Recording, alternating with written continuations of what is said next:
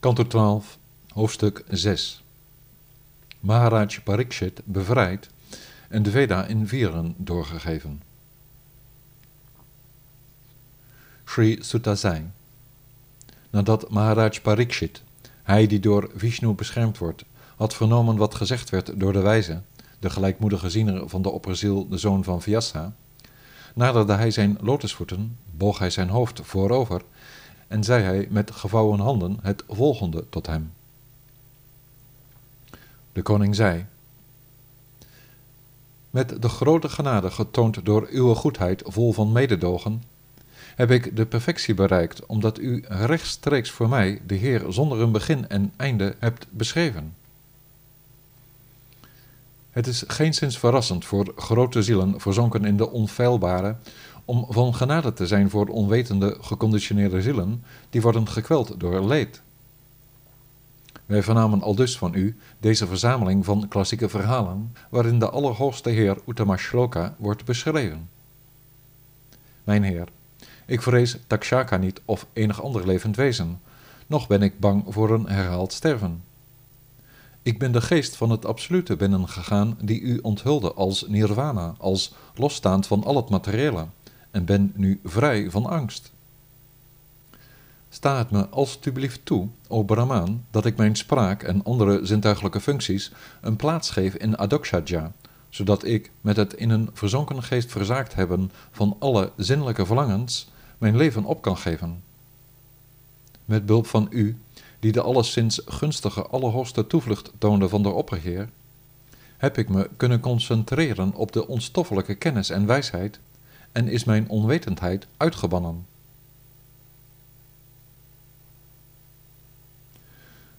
Sutta zei, al dus toegesproken, verleende de machtige heilige, de zoon van Vyasa, hem de toestemming. Nadat de koning, die God onder de mensen, samen met de verzaakte wijzen hem hadden vereerd, ging hij weg. Parikshit, de heilige koning, plaatste met de macht van de reden daarop zijn geest in zijn ziel, mediteerde op de allerhoogste waarheid en stopte zijn ademen, zodat hij zo bewegingloos als een boom werd. Aan de oever van de Ganges, zittend op het darba-gras dat naar het oosten was gelegd, brak de grote yogi met zijn gezicht naar het noorden gericht, met alle twijfels in het volmaakte besef van de absolute geest. Beste geleerden, toen Takshaka, ertoe aangezet door de kwaad geworden zoon van de Brahmaanse wijze Samika, op weg was om de koning te doden, kwam hij Kashyapa Muni tegen. Hij was een deskundige op het gebied van het bestrijden van vergif, maar werd door Takshaka tevreden gesteld met kostbaarheden en ertoe overgehaald huiswaarts te keren. Vervolgens vermomde hij, die elke gewenste gedaante kon aannemen, zich als een Brahmaan en beet de koning. Voor ogen van al de belichaamde zielen werd het lichaam van de volledig zelfverwerkelijkte heilige onder de koningen verteerd door het vuur van het slangengif en veranderde het terstond in as. Uit alle richtingen van de aarde en de hemel klonk er een luide jammerkreet van ontzetting van vrijwel al de halfgoden, demonen, menselijke wezens en andere schepselen. De pauken van de halfgoden weerklonken, de Gandharva's en Apsara's zongen, en de zelfgerealiseerde zielen spraken lovende woorden en lieten een regen van bloemen neerdalen. Toen Janamejaya hoorde dat zijn vader door Takshaka was gebeten, ontstak hij in woede en offerde hij gepast, samen met de Brahmanen, al de slangen van de wereld als offergaven in een offerplechtigheid. Takshaka, die zag hoe de grote serpenten werden verbrand in het laaiende vuur van het slangenoffer, ging zeer van streek door zijn angst naar Indra om bij hem zijn toevlucht te zoeken. Koning Janamejaya, die Takshaka er niet bij zag, zei tot de Brahmanen: Waarom is Takshaka, de laagste van alle serpenten, niet verbrand?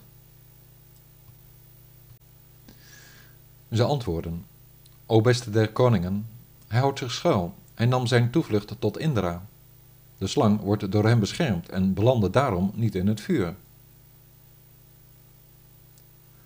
Nadat de hoogst intelligente zoon van Parikshit deze woorden hoorde, zei hij tegen de priesters: Beste geleerden, waarom gooien we niet zowel Takshaka als Indra in het vuur?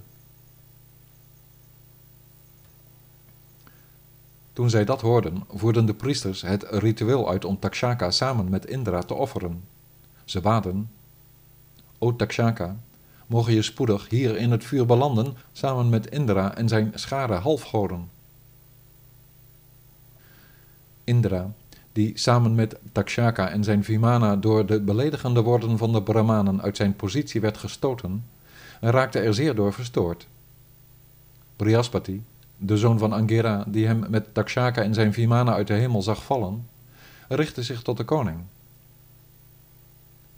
Deze slangenvogel verdient het niet door u te worden gedood, o heerser over de mensen. Hij, deze koning der slangen, dronk van de nectar der goden en is derhalve, zonder twijfel, vrij van veroudering en onsterfelijk. Het leven en de dood van een levend wezen en zijn bestemming in een volgend leven, o koning, zijn enkel het resultaat van zijn karma. Geen andere instantie dan deze verschaft hem geluk en ongeluk. Een levend wezen dat sterft vanwege slangen, dieven, vuur en bliksem, honger, dorst, ziekte en andere instanties, o koning, ondergaat dat vanwege het karma dat hij opbouwde. Daarom, o koning, moet worden gestopt met dit offer dat wordt uitgevoerd om anderen te schaden. Mensen die onschuldige slangen verbranden, zullen zelf dat lot moeten ondergaan.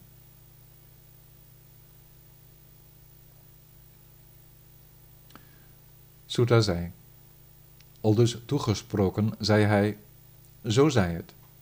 En met achting voor de woorden van de grote wijze maakte hij een einde aan het slangenoffer en vereerde hij die meester van de spraakkunst Brihaspati.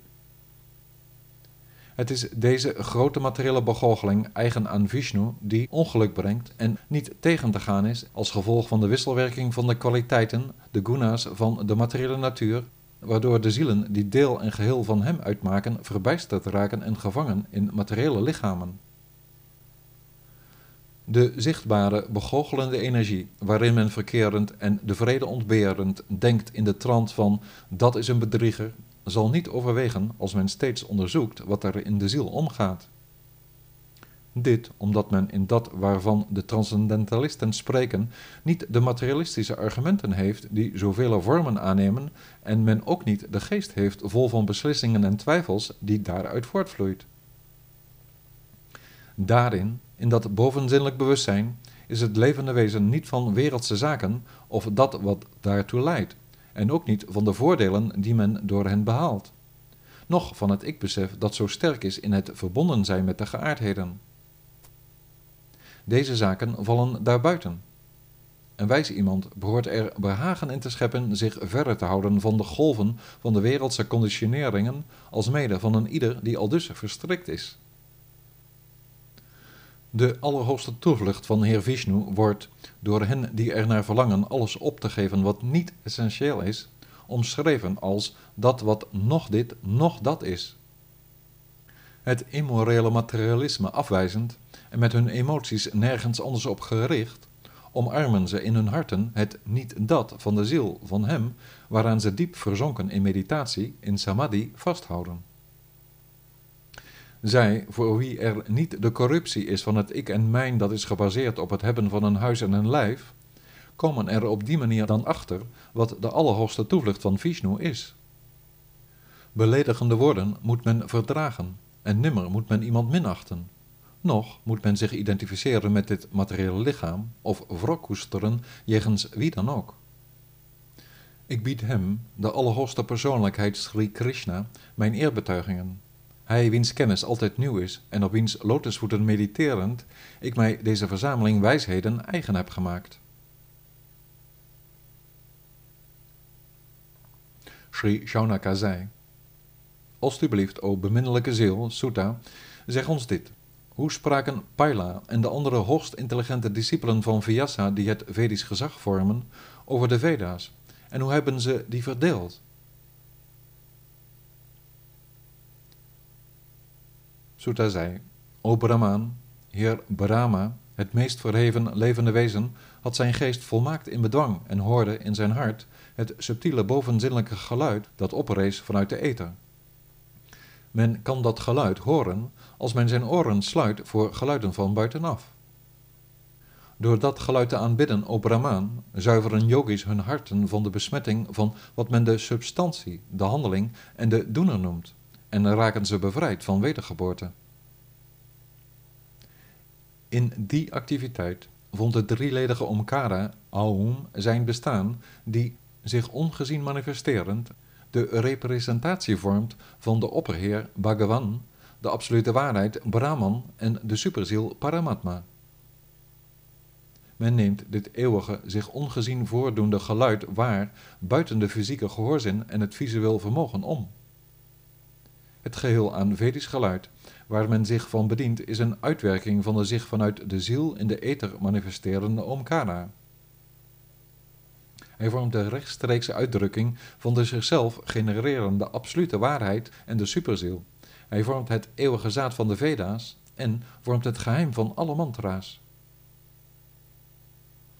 O eminentie van Brigu, de drie klanken van het alfabet beginnende met de A, die hun bestaan vonden, liggen ten grondslag aan al de drievoudige vormen van materieel bestaan.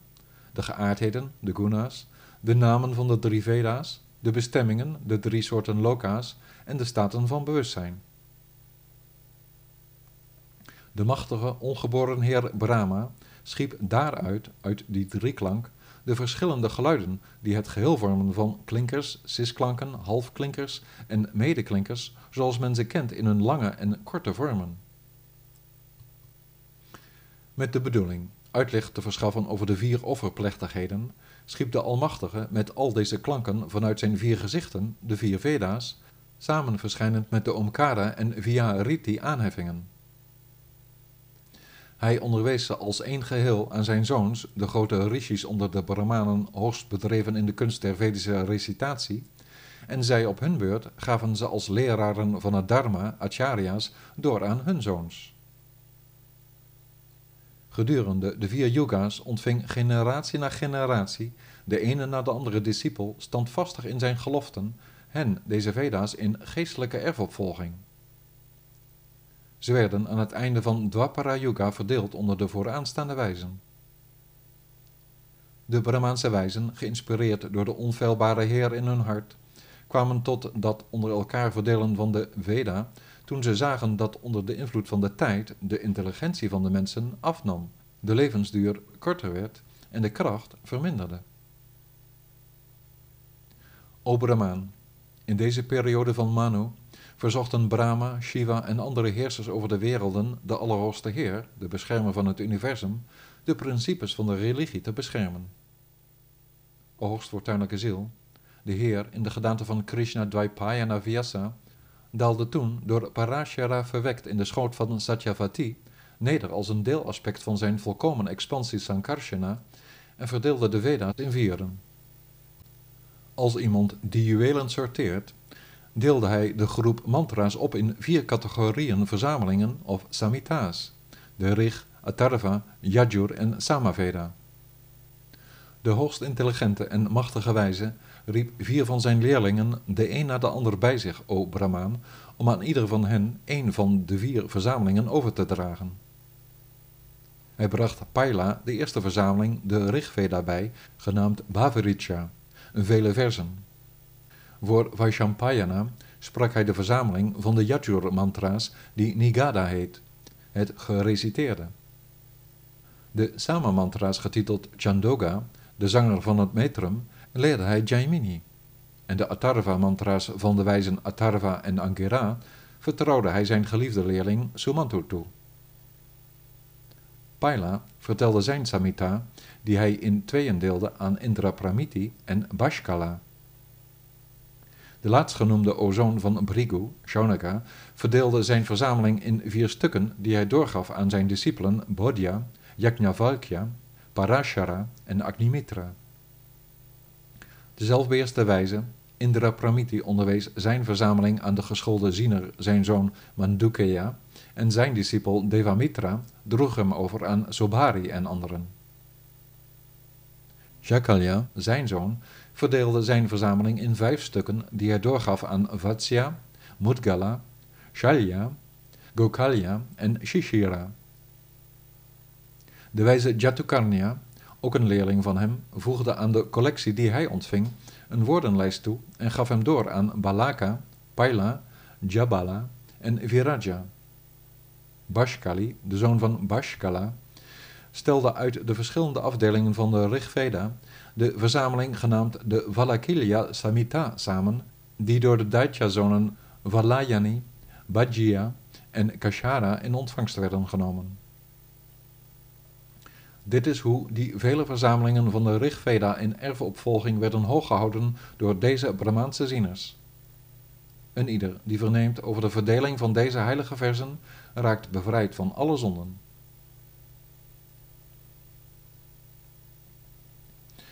Sommige leerlingen van Vaishampayana stonden bekend als de Charaka's, de gezworenen, omdat ze een gelofte naleefden namens hun guru om te boeten voor de zonde van het doden van een brahmaan.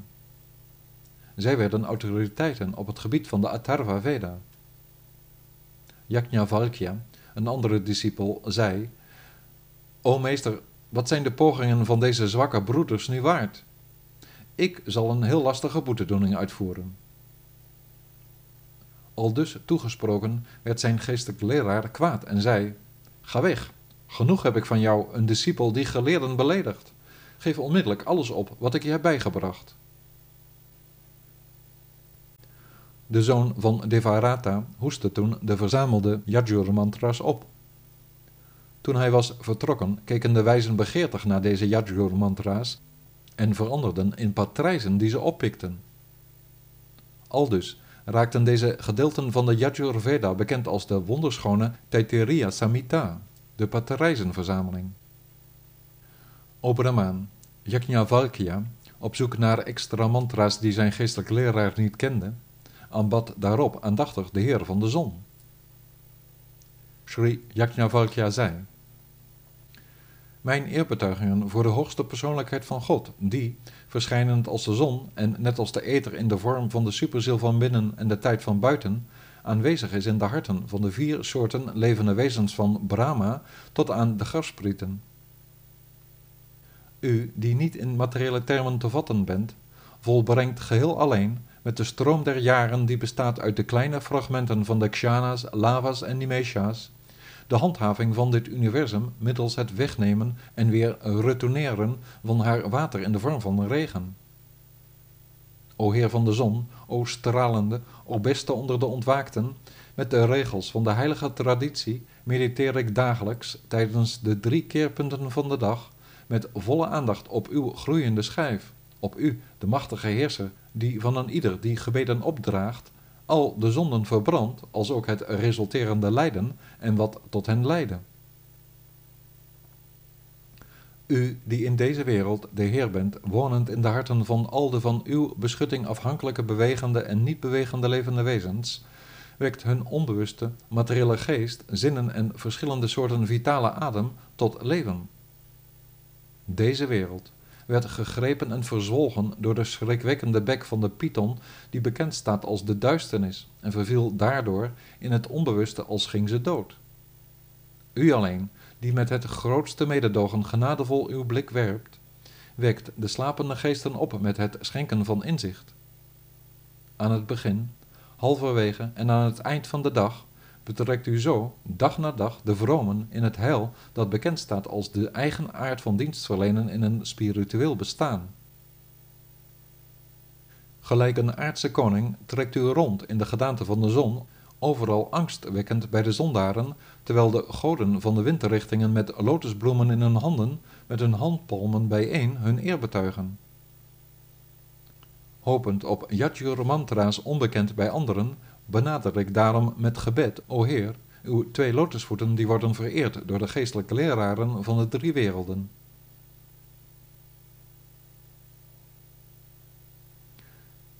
Sutta zei, Hij, de Allerhoogste Heer van de zon, al dus verheerlijkt, tevreden gesteld, nam de gedaante van een paard aan en presenteerde aan de wijze de Yajur mantra's nimmer eerder gekend door een andere sterveling.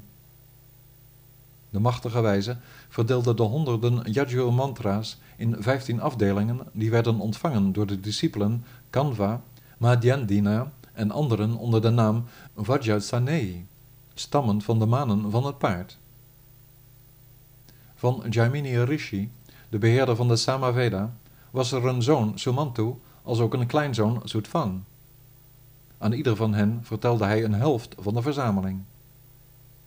Sukarma, een andere leerling van Jaimini en een groot denker, verdeelde de boom van de Samaveda in een duizendtal verzamelingen van Samamantra's, waarna, o de discipelen Hiranyanaba, de zoon van Kushala, Paushyanji en een andere genaamd Avantya, met een hoog ontwikkeld spiritueel inzicht, de zorg voor hen op zich namen.